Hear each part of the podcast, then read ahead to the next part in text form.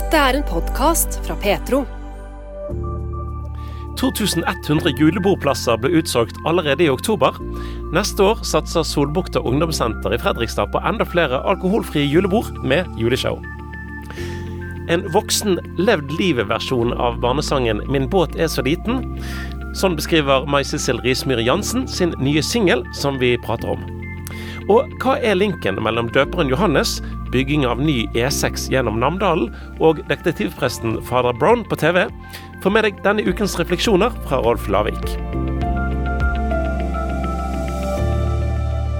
Velkommen til Petro-uken oppsummert nummer to i 2024, der vi starter med nybygg i Fredrikstad. Lørdag 7. januar var det nemlig høytidelig åpning av nybygget på Solbukta ungdomssenter. Dette lærstedet ble kjøpt av Misjonssambandet i 1948, da for den nette sum av 9500 kroner. Det ligger vakkert til i skjærgården, og har nå fått et nybygg på 430 kvadratmeter til sammen, som inneholder bl.a. en sal på 250 kvadratmeter og et stort aktivitetsrom i kjelleren. Sølvi Olim var vår reporter til stede på åpningsfesten. Vi er på åpningsfesten til Solbukta. Og um, nå er det kaffepause, men før pausen så var det høytidelig åpning av uh, flere, men bl.a. han som er leder for uh, region, Misjonssambandet Øst, Tom Teien. Vi må aller først må jeg si gratulerer med ny, nybygg på Solbukta. Tusen takk. Det gratulerer til oss alle, for dette er uh, flott for både Solbukta, men også for hele regionen og hele Misjonssambandet, faktisk. Hva betyr det for en region at man har et nytt, flott eh, bygg som kan eh, samle flere hundre mennesker faktisk i denne storsalen? Ja, Det er jo kanskje ikke bygget isolert sett som er eh, sånn viktig, men det er jo hele sammenhengen og det mulighetene det nå gir. da, på en annen måte. Altså Både for Solbukta, sånn som Solbukta har vært, men også at denne salen, som jo tar, kan ta flere hundre mennesker, kan gi nye muligheter ikke minst for barn og unge. Og det er et aktivitetsrom i kjelleren her som er nytt, som er viktig. og så det, jeg, jeg, tror det betyr mye både for Solbukta i forhold til enheten Solbukta og for lokalmiljø, nærmiljø, men også i et mye større spenn rundt om i regionen vår og landet vårt og i, i, vår, i vår, organisasjon. Dette kan vi bruke til mye, og vi er veldig glad for at det har blitt eh, en virkelighet nå. Mm. Men så er det ikke til å komme unna at dette har jo kosta noen millioner, da, å, uten å nevne eksakt antall kroner. Er du liksom Er det vært litt eh, Eller hva har du tenkt rundt det, for å si det sånn? Ja, det har det. Det har kosta mye penger. og og det kan du kjenne på uro i forhold til, men samtidig så, så er dette det jeg kanskje vil definere som et litt sånn sikrere prosjekt. da. Fordi at det, det ligger en basis i bånn her. Eh, det ligger en virksomhet i bånn her som har vært stigende og økende over flere år. Og vi ser allerede nå hva som skjedde før jul med arrangementet her, som tok inn mange hundre flere enn det de har hatt tidligere. Så jeg tror at uh, vi må se litt uh, over det som har med kroner og øre å gjøre, og, og, se de mulighetene som det vil gi. da. Men uh, det koster mye penger, og er, vi er inne i en dyrtid, så det, det har vært et, et, budsjett som har vært slitsomt å, å forholde seg til. Men jeg er rimelig sikker på at dette vil bære videre.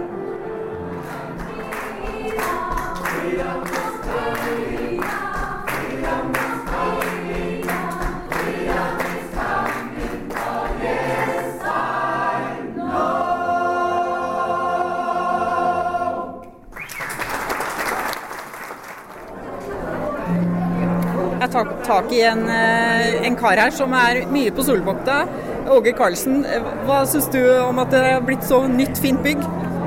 Jeg syns det er helt enestående med, med, alt det som har blitt gjort. Og i forhold til ja, på grunnarbeidssida, på all den dugnaden som har vært der.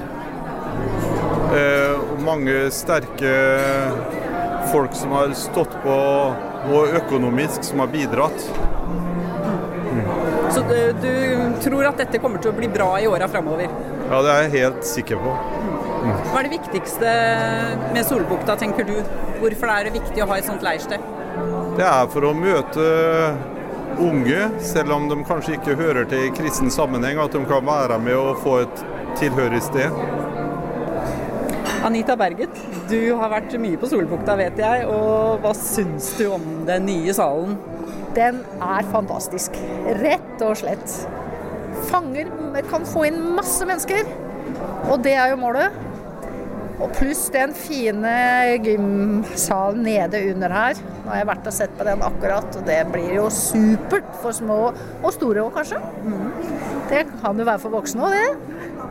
Det har jo ikke bestandig vært like lett å samle til leir og fylle opp leirene, men tror du at et sånt nytt bygg har noe å si faktisk på det? Jeg tror det kommuniserer bedre, og du får en helt annen opplevelse når det er nytt og det Ja, det har kommet litt nyere ting. Vi må fornye oss og henge litt med skal vi nå nye, og det tror jeg blir veldig bra. For det ryktes veldig fort, likevel som det som da er negativt, liksom har vært. Så det har jeg veldig tro på. At nå er det lett å satse. Selv om det har gått noen millioner? Det har gått millioner, men eh, med så mye forbund så tror jeg at det er i trygge hender. Morten Gjerløv Larsen, gratulerer med nytt hus, får vi si. Ja, takk. Jeg, eh, det er stort. Ja, for oss. Ja, ja hvor, hvor, stort syns du det er? Nei, Jeg vet ikke helt hva jeg skal sammenligne det med, men uh, for oss som er så heldige å ha blitt foreldre, så er jo det veldig stort. Og det her uh, tror jeg er nesten like stort. I tilfelle kona mi hører på, så er det nesten like stort. Ja. Du hadde et lite spørsmål for noen år siden til styret. Eh, vi kan ikke bygge på bitte litt, da, bare sånn at salen blir litt større, liksom. Og da var det snakk om 2,5 millioner eller noe sånt liksom i første omgang. Ja. Og nå har dere fått et bygg til, eh, hvis man hadde regna med alt som er gitt i gaver også, kanskje mellom 25 og 30 millioner. Ja. Det, det har vært en utvikling?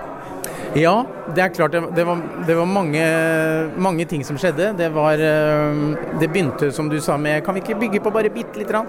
Og så tar det ene det andre, og så tenker man ja, men da må vi ha det også. Vi må ha kjeller, vi må ha aktivitetsrom. Det, så det var sånne ting. Pluss at når, så kom det noe som het korona, som jo egentlig kanskje skulle stoppa oss, da.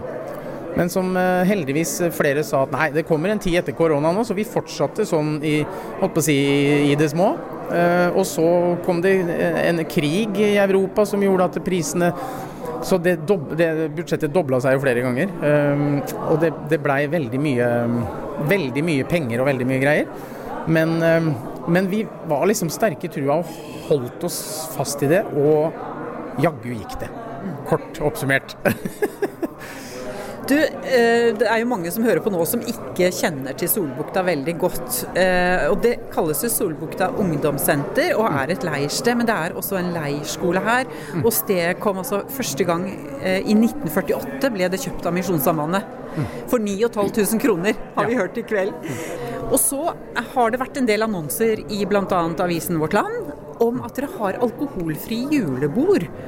Eh, og det har mange tenkt hva, hva, hva, er, det, hva er, dette for noe? Så vi skjønner jo hva det er, men, men, fortell litt om det konseptet.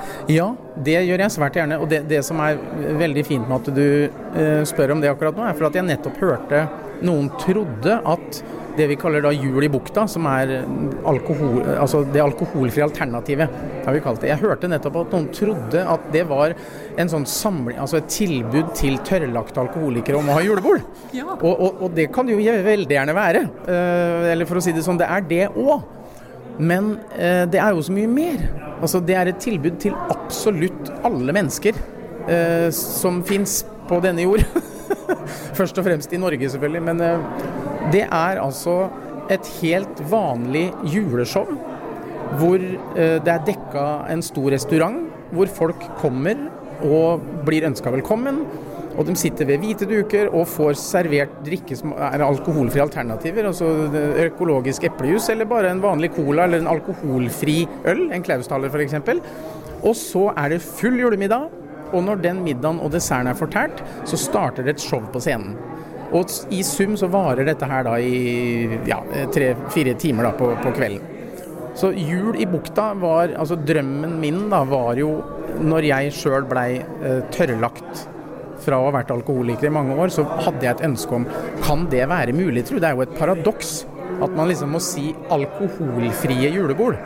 Men det er jo fordi at er du på julebord, så er det alkohol. Og det er faktisk en del mennesker som ikke vil ha den alkoholen der. Eh, ikke nødvendigvis fordi de er avholdsfolk, men, men, fordi at det blir fyll. Og det er det veldig mange som ikke liker. Men det har ikke vært noe alternativ. Og så starta vi det på Solbukta for syv år sia. Og da sa det liksom pang. Det kom noen det året, og så har det kommet flere og flere og flere. Og så bygde vi på, og så kom det enda flere. Så nå i år, eller ikke i år, men i 2023, så samla dere over 2000 til disse julebordene? Ja, 2100 mennesker var her, og alt det var utsolgt i oktober. Så hvor mange som egentlig ville komme, det vet vi jo ikke. Men det vi gjør nå, er jo å legge ut enda flere datoer neste år. i håp om at vi, vi, Det er ikke det at vi skal bli stormannsgærne, men vi vil jo gjerne tilby plass til flest mulig av dem som har lyst til å komme. Og hvor grensa går hen, det aner vi jo ikke. Men uh, Jul i bukta 2024, der blir det enda flere datoer enn det var i 2023. Og så må vi jo si at det er du og kona di som eh, underholder sammen med et band. Renate Gjerlev Larsen og du. Uh, og dere er kjente artister her i Østfold. Ja, det er vel en del som mener det, tror jeg. og så, så har vi holdt på i mange år. Vi har jo sunget sammen i 7-28 år. Uh, møtte hverandre når vi var 18, 18, år, og nå er vi snart 50, holdt jeg på å si. Det, ja. Så vi har holdt på i mange år sammen og har jo lang erfaring. Så, så jeg er veldig glad for at vi har med oss Renate uh, på det. Da. Uh, da ser jeg jo litt på jobb isteden for privat. Ja. Men du, Litt tilbake til det med julebordene. For uh, dere tjener jo litt penger på å ha disse julebordene, mm. uh, regner jeg med. Uh, er det noe dere kommer til å ha òg for å betale ned dette bygget her? Ja, det, jeg, jeg, tror nok det at altså Jul i bukta som konsept, da, det, det er jo klart at det er litt kommersielt. Eh, det vi er opptatt av, er jo at vi faktisk skal fortelle hva jula handler om. Så det er jo liksom kristent innhold, og det er jo mye lettere før jul å ha et kristent innhold, for det er det det handler om. Men samtidig så ønsker vi at det skal være eh, åpent for alle. Eh, og når det kommer såpass mange mennesker, så er det klart at vi snakker jo overskudd. Eh, men det er også mange måneder i året hvor Solbukta ikke går overskudd. Eh, hvor det er mye snø og vinter og få som eh, tenker at nå skal vi dra på Solbukta. Men, men Jul i bukta har på en måte retta opp vinteren for Solbukta sitt årsbudsjett. Så vi har jo et mål om det som er fint hos oss, er jo at det sitter jo ingen aksjonærer og tar ut utbytte her. Så fort vi går overskudd, så går jo de pengene tilbake til misjonen. Tilbake til Altså, vi må jo betjene et lån, men målet mitt er jo at vi skal mer enn betjene lånet, eh, og kanskje greie å faktisk betale litt tilbake til Misjon, som gjør den fantastiske jobben ute i verden med ja, skolehelsevann.no bl.a., hvor du kan lese om hva gjenbruksbutikkene genererer av penger, og det at Solbukta eh, og, og flere andre steder en eller annen gang fram i tid kan gi tilbake, sånn at uh, ikke vi spiser opp vår egen organisasjon, men isteden er med og bygger unnafra. Det, jeg, det er liksom en sånn ja, et stort mål for meg. Større enn det bygget vi står i nå. Det sa daglig leder på Solbukta ungdomssenter i Fredrikstad, Morten Gjerløv Larsen. Sølvi Olim var altså vår utsendte reporter i Østfold. Og for ordens skyld så skal vi òg legge til at hun er gift med styreleder for dette lærstedet som vi hørte om her.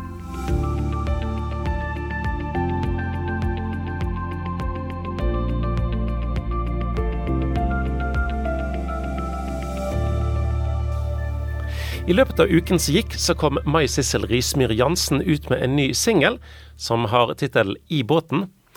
Dette er den første singel fra en ny plate som hun jobber med. Til daglig så arbeider hun som lærer, men har drevet med musikk hele livet. Og kollega Anne Birgitte Lillebø Bø hun eh, gikk i sin tid på musikklinjen på lærerskolen i Bergen sammen med Mai Sissel Risbyre Jansen, og tok en telefon eh, tidligere i uken for å høre litt om den nye musikken som er på vei. For musikk har altså vært en viktig del av livet til Mai Sissel Rismyr Jansen. Ja, det har jo det. Det har liksom alltid vært en sånn eh, en viktig bit av meg, men den har vel ikke vært litt sånn det var jo ikke noe, sånn, jeg var jo ikke noe barnestjerne eller eh, kjørte jo ikke, var ikke akkurat uh, en profesjonell uh, artist, for å si det sånn. Har vel aldri vært. Men jeg har alltid elska musikk og lagd masse sanger fra jeg var liten. Ja, og du, I sosiale medier så har du den siste tida tatt følgerne dine med på et lite musikalsk tilbakeblikk på alt du har gjort. Det har vært kjekt for oss som har fulgt, men hvordan har det vært for deg? Vet du hva, Det tror jeg faktisk har vært utrolig viktig for meg. fordi at jeg, jeg tror jeg glemmer veldig lett hva jeg egentlig har gjort. og så går man og suller rundt i sine egne tanker og tenker at man har jo egentlig ikke gjort noe særlig, eller kanskje ja, For en sånn gullfiskhukommelse som meg, så har det vært en veldig viktig reise. Jeg tenker at det er noe kanskje vi alle bør innimellom bare minne oss sjøl på. Tråkke opp noen sånne gamle stier og se hva er det vi egentlig har gjort i livet. Vi skal jo ikke leve i bakspeilet, men vi kan ha det med oss og på en måte se at vi har mye å takke for. da. Nå skal vi litt tilbake til lærerskoletida, for da var det mange prosjekt og mye forskjellig Mai Sissel hadde på gang? ja, ja, da var det hektisk. Ja. Jeg tror ikke jeg tenkte på det som hektisk, men det var veldig kjekt. Da var det masse Da var det Altså Det største prosjektet var vel det at vi gikk jo både meg og deg i klasse med Odd Nordstoga. Og at vi da starta et band, da, Odd og jeg og han som skulle bli mannen min, Jan Martin og flere, som het Something Odd. Eh, og det tok jo litt av, eh, bitte litt av det, ikke sånn, men det ble i hvert fall platekontrakt. Det var veldig Veldig spennende. Og så hadde vi et sånn a cappella-jenteband som du var med som het Voktetten, så veldig kjekt. Mm. Og så ble jeg med i Gospelkompaniet som var veldig aktive på den tida. Så det var eh, pluss masse andre kjekke ting. Nei, det var veldig Det var nok en litt sånn oppblomstring for meg, i hvert fall. Liksom skjønne at OK, har jeg noe å fare med? ja, det har du virkelig, Mai Sissel. Og, og Gospelkompaniet nevnte du, Gospelkompaniet i Bergen og Terje Kleppe. Der eh, har du vel òg vært med fram til i dag? Ja, det er 30-årsjubileum, faktisk. For Gospelkompaniet starta da i 2023, eh, høsten. Nei, ja, 1993. 1993 blir det, vet du. ja. Du, og, og fram til nå Kan jeg smette inn, ja, en, liten, ja, en liten reklame for Gospelkompaniet? For ja. de kommer også ut med en fantastisk messe som heter Fred om ja. et par uker. Så bra. Fin, fin, fin, reklame. Du, denne ja. våren kommer Mai Sissel ut med sitt eh, tredje soloalbum. Og mm. nå skal vi snart høre den første sangen fra det albumet. Og de som ja. lytter på Petro har hørt My Mai Sissel før her. Hva er det som inspirerer deg til å skrive disse sangene dine? Jeg tror det er rett og slett livet, sånn som det er, på godt og vondt. Så jeg er litt opptatt av å snakke ærlig om livet og ærlig om trua. og at folk kan kjenne seg igjen. Og at jeg synger, skriver ofte til meg sjøl også, da. Mm. Den sangen som kommer til i dag, den heter I båten. Et fint bilde av mm. deg som liten i en båt. Og så beskriver du mm. til, til oss eh, at den kom seilende til deg. Altså Er det sånn med sangene sangerne at de på en måte bare kommer dalende eller seilende, som du skrev? Nei, langt ifra. Det er ikke alltid sånn. Men noen ganger så kommer de sånn. Og så noen ganger på en måte kjenner jeg de i magen. Altså at de liksom de river litt i meg. Da. Den her var en sånn som, som kom seilende. Altså jeg har satt bare og, og hadde vel skribla noen, eh, noen tekstskisser noen uker i forveien. og Så bare satt jeg meg ned og så følte jeg at den da, et par uker på, så kom den liksom seilende inn. Og den ble veldig viktig for meg, da det blei på en måte til meg. Og så tenkte jeg at da er det vel kanskje noen flere enn meg som ja. også kan ha bruk for den. Ikke sant. Når jeg hørte den i går, så jeg ble jeg veldig rørt av den sangen. Og jeg fikk en følelse av Min båt er så liten. Den heter jo I båten. Er det en slags mm. voksenversjon av uh, Min båt er så liten? Ja, absolutt. Det er uh, Min båt er så liten i voksenversjon. Ja. Og kanskje litt sånn levd liv-versjon, når man sånn som virkeligheten er. Og, og egentlig så, så, er på en måte tanken min er at uh, når jeg er voksen, så er jeg på en måte ikke så Altså når jeg var liten, så var jeg så fascinert av at Jesus stilna stormen. Men nå når jeg er voksen, så er jeg mest uh, takknemlig og fascinert over at han er i båten, uansett. I båten er altså tittel på den nye singelen fra meg, Sissel Rismyr Jansen. Den er nå ute på strømtjenester. Du lytter til en podkast fra Petro. Nylig så døde den folkekjære artisten Ole Paus. Han var en inspirasjonskilde òg for Einar Helgaas, som hver uke gir oss poptips her på Petro. Denne ukens poptips er altså inspirert av Ole Paus. Før jul leverte jeg et poptips med utgangspunkt i nasjonalskalden vår Ole Paus, som jo fikk komme hjem i desember. Jeg klarer ikke helt å slippe hans rike livsverk for Norge, så heng med litt til. Jeg har faktisk aldri hørt om en artist som har gitt ut flere plater enn han, utrolige 41. For eksempel tror jeg Bjørn Eidsvåg har sånn ca. 33. Men Ole Paus har i tillegg skrevet ni bøker, fire revyer og bidratt i en rekke filmer og TV-serier. Men altså, rett etter hans død lanserte prest Eivind Bjørnar Hetlevik en kommentar på Facebook knyttet til en av hans sanger som jeg aldri hadde hørt, men som jeg da beit meg merke til. Det er altså den du skal få høre i dag, selvfølgelig. Men først litt mer om Paus sine, nok for mange, overraskende tanker om kristendom fra en artikkel i KS. For han kaller seg en tilhenger av påsken, dette at livet er sterkere enn døden. Og dette henger vi oss jo lett på. Det er jo midt i senteret av hva vår tro handler om. Nemlig at vår tilgang til Guds godhet går gjennom Jesu død og oppstandelse. Paus fortsetter i et tilbedelsesspor når han sier Jeg er så heldig som ikke tror på døden, og det er en gave. Troen er en gave, gjentar visesangeren. Og Jeg syns han vrir dette veldig kreativt, men sterkt til. Tenk å si at han er så heldig som ikke tror på døden. Altså, hvem vil, hvem vil det, da? Tro på døden? Men tror du ikke på Jesus, så i alle fall indirekte tror du på de kreftene som representerer den andre siden. Men det fins en himmel over Paus og alle vi som tror, og det tydeliggjøres når han sier Jeg føler meg sikker på at livet fortsetter etter at vi dør. Alt slutter ikke der. Akkurat hva som vil skje, tror jeg vi alle må innrømme at vi vet lite om. Jeg tror mange av oss tenker av og til på hvordan blir det egentlig i himmelen. Muslimene har etter som jeg har forstått en mer konkret verden de skal møte med en del for mange attraktive ting å se fram til. Mens vi kristne har kanskje en litt sånn luftigere forståelse av dette basert på sånn som Bibelen framstiller det. Men at det blir bedre enn her, det tror jeg veldig på, og det er vårt håp. Jeg sa noe om overraskende. For det å være kristen er vel ikke akkurat det kuleste du kan skilte med i det postmoderne Norge. Men at Paus var kristen, det tror jeg mange har rynker på panna av. Enda mer overraskende blir det når han sier det følgende. Hvis du tenker om jeg en eller annen gang opplevde noe spesielt som har fått meg til å tro, så nei. Troen har alltid ligget der.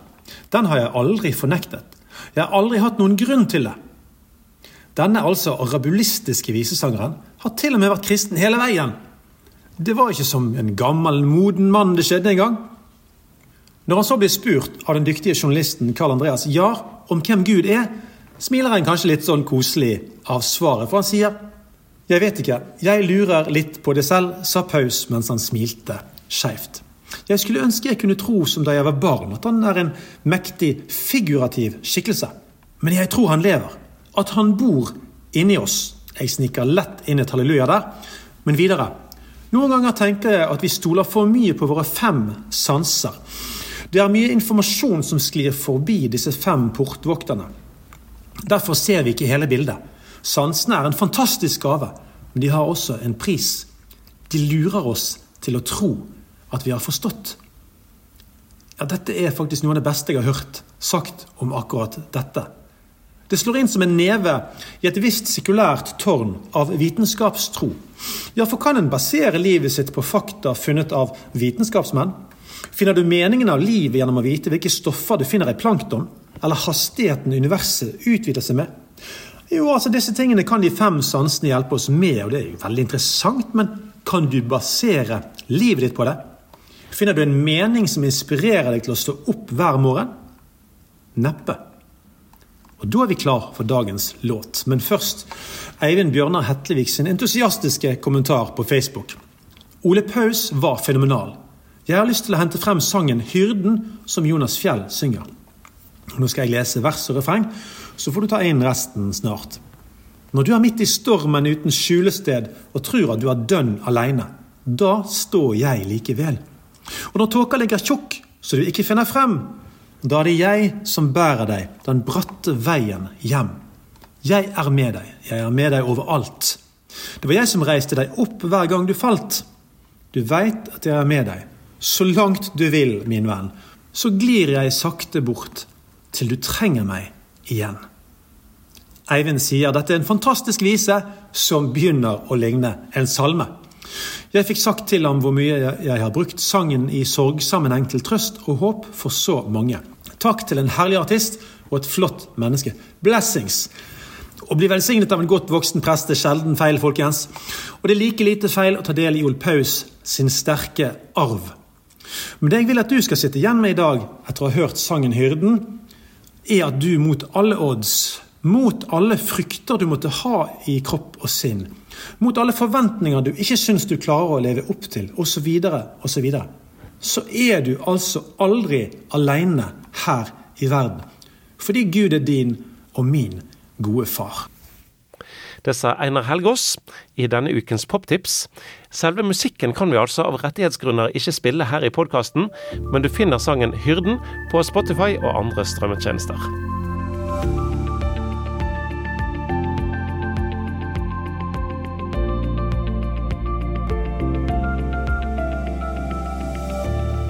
Nå andre helgen i januar så arrangerer Nordmisjon og Akta Merkonferansen, generalforsamling og Aktas landsmøte, alt i en og halv samme helg i Stavanger.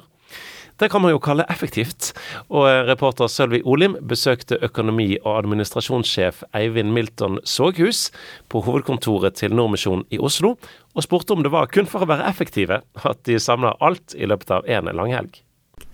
Nei, det er et forsøk for oss å, eh, å, kombinere flere ting, men å få til en storsatsing hvor både Akta barn og unge, Nordmisjons generalforsamling og alle frivillige og medarbeidere i Nordmisjon kan, kan, samles inn under ett tak.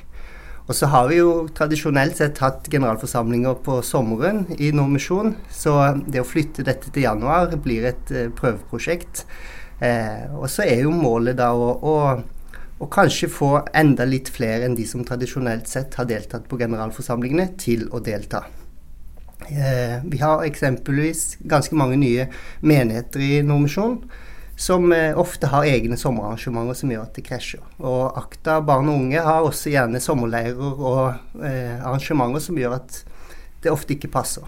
Så eh, til nå har vi fått eh, veldig god oppslutning. Eh, vi ligger rundt å være rundt 500 deltakere på selve konferansen, hvor vi i underkant av 300 delegater til generalforsamlingen. Hvordan tror du det blir å, å, å, ha generalforsamling og alt dette her med kuldegrader, kanskje?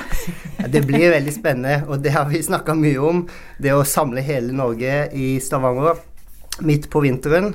Eh, og skjønner at det for enkelte kan være utfordrende å, å ta turen. Eh, men så er vi heldige å få lov til å være hos IMI, som også er en del av Nordmisjonen. Og de har store og flotte lokaler som gjør at det er uproblematisk å ha konferansen innendørs. Og det er kort vei til lokaler som, som KF-skolen og regionskontoret, eh, hvor vi også kommer til å ha noen møter og, og seminarer, ikke minst. For de som ikke kjenner til Nordmisjon så godt, fortell eh, om hva forskjellen på Nordmisjon og Akta. Nordmisjon er jo moderorganisasjonen, for å si det sånn. Eh, og vi driver et utstrakt arbeid i Norge med, med regionsarbeid, med internasjonal eh, bistand og misjon, med, med ja, menigheter, skoler. Veldig mye forskjellig. Eh, Akta er barn og unge i Nordmisjon. Altså, organisasjonen heter det Akta barn og unge i Nordmisjon. Eh, det er en selvstendig organisasjon, men vi er veldig tett kobla sammen og jobber tett sammen. Og det synliggjør vi også nå i denne konferansen med strategiarbeidet, hvor vi har jobba utrolig tett de siste årene. Og opplever at nå står vi sammen med en, en felles strategi om hva vi ønsker å oppnå, og hvordan vi tenker å jobbe rundt det i, i årene som kommer fremover. For jeg så på nettsida deres at dere har eh, jo visjoner, eh, begge, begge organisasjonene, for å si det sånn. Og Nordmisjonen har Jesus Kristus til nye generasjoner og folkeslag. Og Akta har grensesprengende fellesskap hvor barn og unge møter, følger og ærer Jesus Kristus. Hvilke strategier eh, legger dere for å prøve å oppnå de visjonene? For det er jo, for å si det sånn, er det lett å nå barn og unge i Norge i dag? Akta har jo et fantastisk utstrakt arbeid, og Nordmisjonen er jo heldig sånn at vi jobber på, på, på tvers av, av, eh, av eh, Kristen-Norge, for å si sånn. Vi har egne menigheter med ungdomsarbeid, og vi har eh, barne- og ungdomsarbeid på bedehus og i, i Den norske kirke. Så det er en stor forsamling som er Eller mange fellesskap og mange små foreninger som er knytta til Akta sitt barne- og ungdomsarbeid. Eh, og så henger vi sammen. Altså Jesus Kristus til nye generasjoner og folkeslag. Akta, barn og unge. Altså det er en helt naturlig del av, av, eh, av sånn vi tenker, og, og, hvordan dette arbeidet kommer til å skje framover. Og så har vi eh, i strategien forsøkt å, å, på en måte synliggjøre hovedsatsingene våre i akronymet PULS, hvor det er planting, utrustning og eh, lederskap eller lederutvikling og sammenkobling som er de store og, og, viktige satsingspunktene våre sammen framover. Og i dette sammenkobling så er jo viktigheten at vi som en stor organisasjon med et ganske stort mangfold finner hverandre og jobber sammen i fellesskap og, og kjenner at vi, vi, vi, står rygg til rygg eller skulder til skulder i det, som, i det arbeidet vi, vi brenner for. Har det blitt flere foreninger og barne- og ungdomslag nå de siste årene, eller har det blitt mindre? Etter korona så opplevde vi en, en nedgang. Eh, i, men det gjorde ikke bare Nordmisjon, det gjorde nok eh, hele frivillighet og, og, og Organisasjons-Norge. Eh, og så har har jeg ikke statistikken helt rett for meg nå, men, men, men, jeg, jeg, opplever at det har vært en jevn økning eh, siden, altså etter pandemien. Og, og, vi opplever fortsatt at det vi gjør, det er relevant og forandrer liv. Så, så, så vi kommer til å fortsette uavhengig av antall lokallag. Mm. Det var også noe som heter Merkonferansen, som eh, skal være denne helga som kommer 12. til 15. Og hva, hva er det for noe? Merkonferansen er rett og slett Nordmisjons medarbeiderkonferanse. Eh, og det er for ansatte og frivillige. Så alle som er engasjert i Nordmisjon, enten i, som et verv eller som, det, som ja, kirkegjenger eller hva det skulle være, er velkommen på konferansen. Vi ønsker å invitere bredt, og vi ønsker å samle hele Nordmisjonsfamilien eh, under ett tak. Lykke til med konferansen. Mange takk. Takk for at du lytter til denne podkasten fra Petro. Liker du det du hører, setter vi pris på om du tipser andre om radiosendinger og podkaster fra Petro. Du finner oss på DAB, og både radiosendinger og podkaster er tilgjengelige i Petro-appen, som enkelt lastes ned fra Google Play eller AppStore.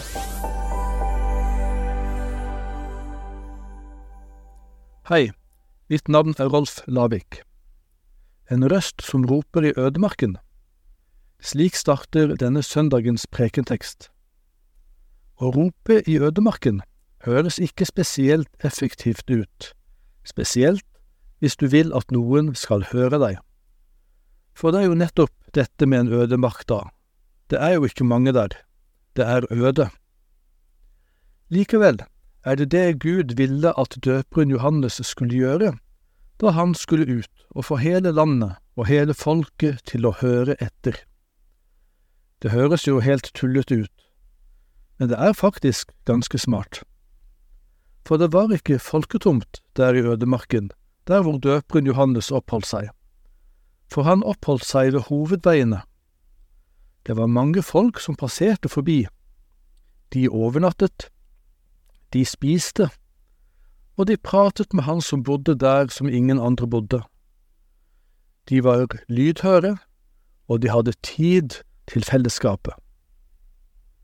Man lytter ofte bedre når man har tid, og når man prater med mennesker som er annerledes enn oss selv. I alle fall annerledes i bedre retning. I byen ville kanskje ingen hatt hverken tid eller interesse av å prate. Har du tenkt på at Gud kaller deg også til å bo i en ødemark, sånn billedlig forstand, og til å rope til andre derfra? For det å vende om fra det Gud kaller synd, og leve sitt liv annerledes enn slik andre gjør det, det er virkelig å leve i en ødemark. Ikke mange lever slik, men folk legger merke til det, spesielt at du lever det du lærer. Ingenting roper mer ut om ekthet enn nettopp det å leve det vi lærer. Hvis du ikke lever i ødemarken, altså i en omvendelse fra verden ellers. Da vil ingen finne ekthet i det du sier heller, og ikke vil du være en veirydder for Jesus, slik døperen var det. For Jesus kaller deg også til å være en veirydder for andre, til å omvende seg til Jesus. Det var ikke bare døperen Johannes Gud kalte til det. Han vil altså du skal være en røst som roper i ødemarken.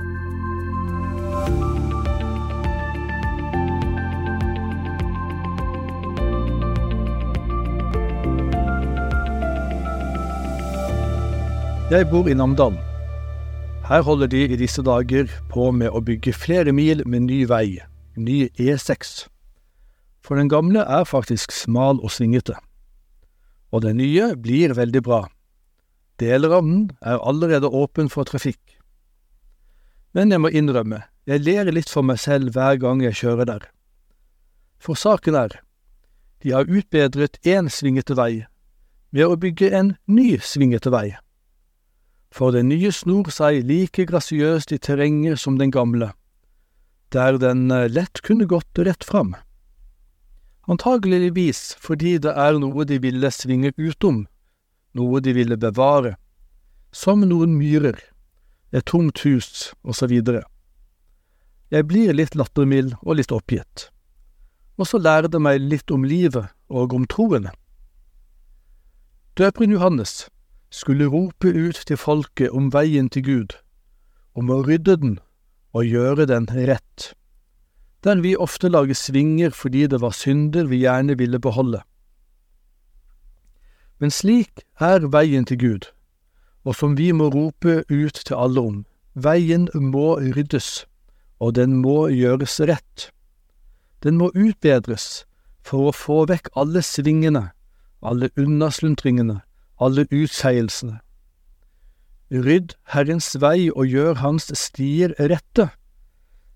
Det var budskapet Gud ville at døperen Johannes skulle si til folket.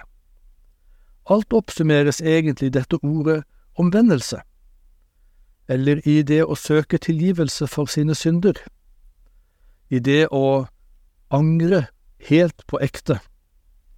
Det er eneste veien til Gud. Det er eneste veien til Gud. Det er eneste veien til Gud. Det er Jesu vei. Tenk at én manns omvendelse og rop om Guds vei fikk et helt folk til å vende om. Tenk da om hvert Guds barn i Norge hadde gjort det samme. Tenk om du og jeg gjorde det. Det å rydde veien til Gud og rette den ut i eget liv og å lære andre det samme.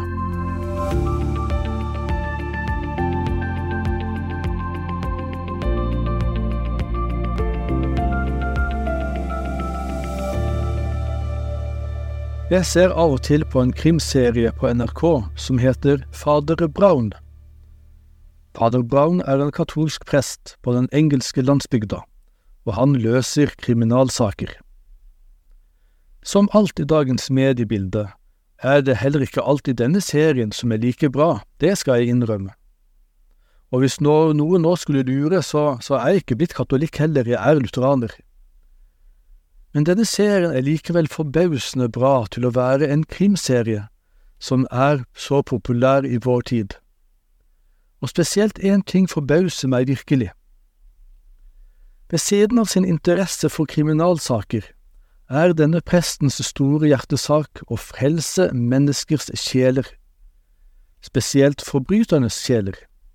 Du vet, de som ingen andre vil hjelpe, de som ingen andre ser verdien i, eller de som alle andre forakter, de som de andre vil hevne seg på og straffe.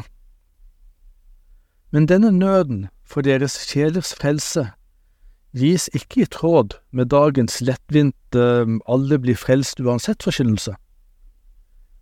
I hver eneste episode forkynner fader Brown på NRK i beste sendetid at eneste veien til Gud er i sann anger, sann omvendelse og i å bekjenne sine synder. Han peker på Jesus som vil tilgi syndere. Det er fantastisk.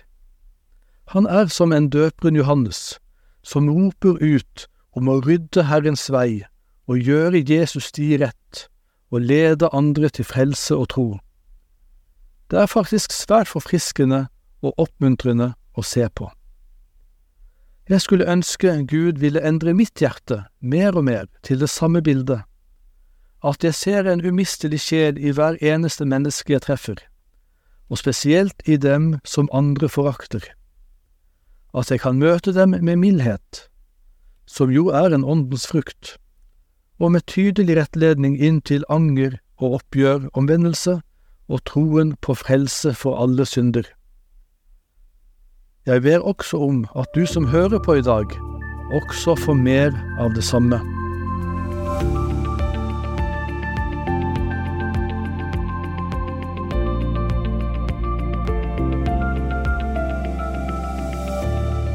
Som ungdom var jeg tilskuer under ski-VM i Oslo.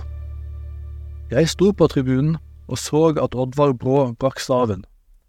Jeg så de norske seirene, og det gjorde også store deler av det norske folk, for mye av dette gikk på TV, og vi som var i Oslo på den tiden, det virket som om faktisk hele folket skulle opp til Holmenkollen. Hvilken folkemengde, og hvilken folkefest. Og det er jo ikke så rart, så mange triumfer vi kunne glede oss over. Derfor er det så rart å lese om at da døperen Johannes ropte ut sitt budskap, da gikk enda flere ut, hele folket, ut i ødemarken. På en side sett var det jo ikke et tiltalende budskap som døperen forkynte, han forkynte omvendelse. Det normale er å bli baktalt og dårlig likt og ustøtt for slike budskap. Og mange vil også i dag tenke at å forkynne omvendelse er et hardt og forferdelig budskap å gi til folk. Men på denne dagen, folket opplevde det ikke som hardt og forferdelig. De opplevde det som et fantastisk budskap. For døperen forkynte også tilgivelse for alle synder, at det er frelse for de fortapte. Og de kom og de bekjente sine synder, og de gjorde det med glede. For det er et seirende budskap, det. Og det er derfor de gikk mann av huset. For det er en større seier enn all verdens VM-medaljer i Holmenkollen. Det å få høre at man kan bli frelst og tilgitt av den store Gud. Og folk lengtet etter det. Hvis bare noen ville fortelle dem det og de som forteller om det, de vet at de sjøl ikke er verdig til det. Men nettopp derfor er det bare dem som bør fortelle om det. For de gir all æren til Jesus og ikke seg selv. De peker på det Jesus har gjort, og ikke på det de selv gjør. Og de er som døperen, som sa til alle at han ikke engang var verdig til å løse Jesus skorem, det som var de laveste slavenes mest ydmykende jobb. Så var døperen likevel den største av alle som ble født, nettopp fordi at alt det han sa om Jesus var sant. Døperen Johannes er en av mine største forbilder.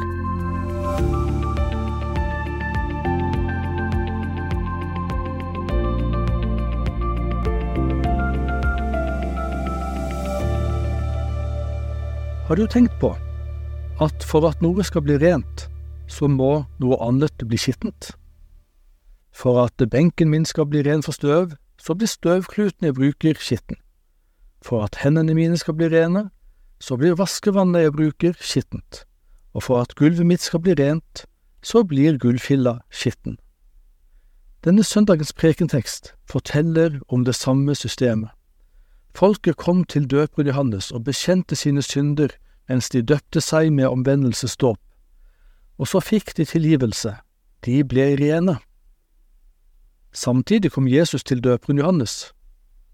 Og siden ble det sagt om Jesus, se der Guds lam som bærer verdens synder. Med andre ord, der det syndige folket ble rene og tilgitt i dåpens vann, der ble den rene og syndfrie Jesus skitten og gjort til verdens synd. For skal noe bli rent, må noe annet bli skittent. Tenk litt på den sammenhengen når du tenker på din egen dåp.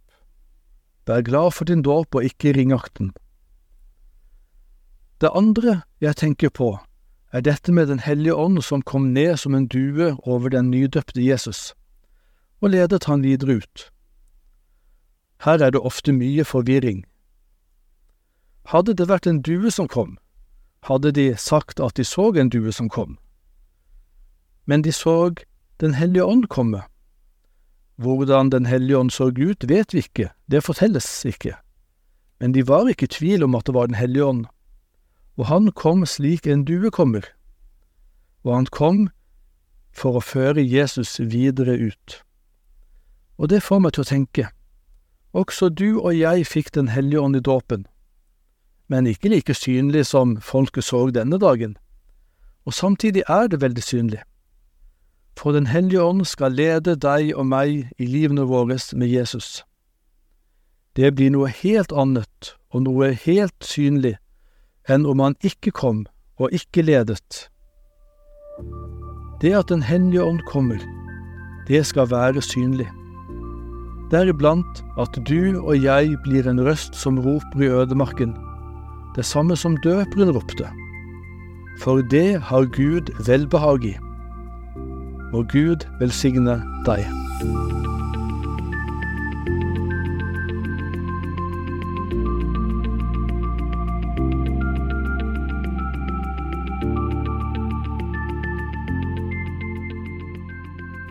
Rolf Lavik sto altså for refleksjonene denne uken. Vi er tilbake med en ny Petro Uken eh, oppsummert hver fredag ettermiddag. Vi høres.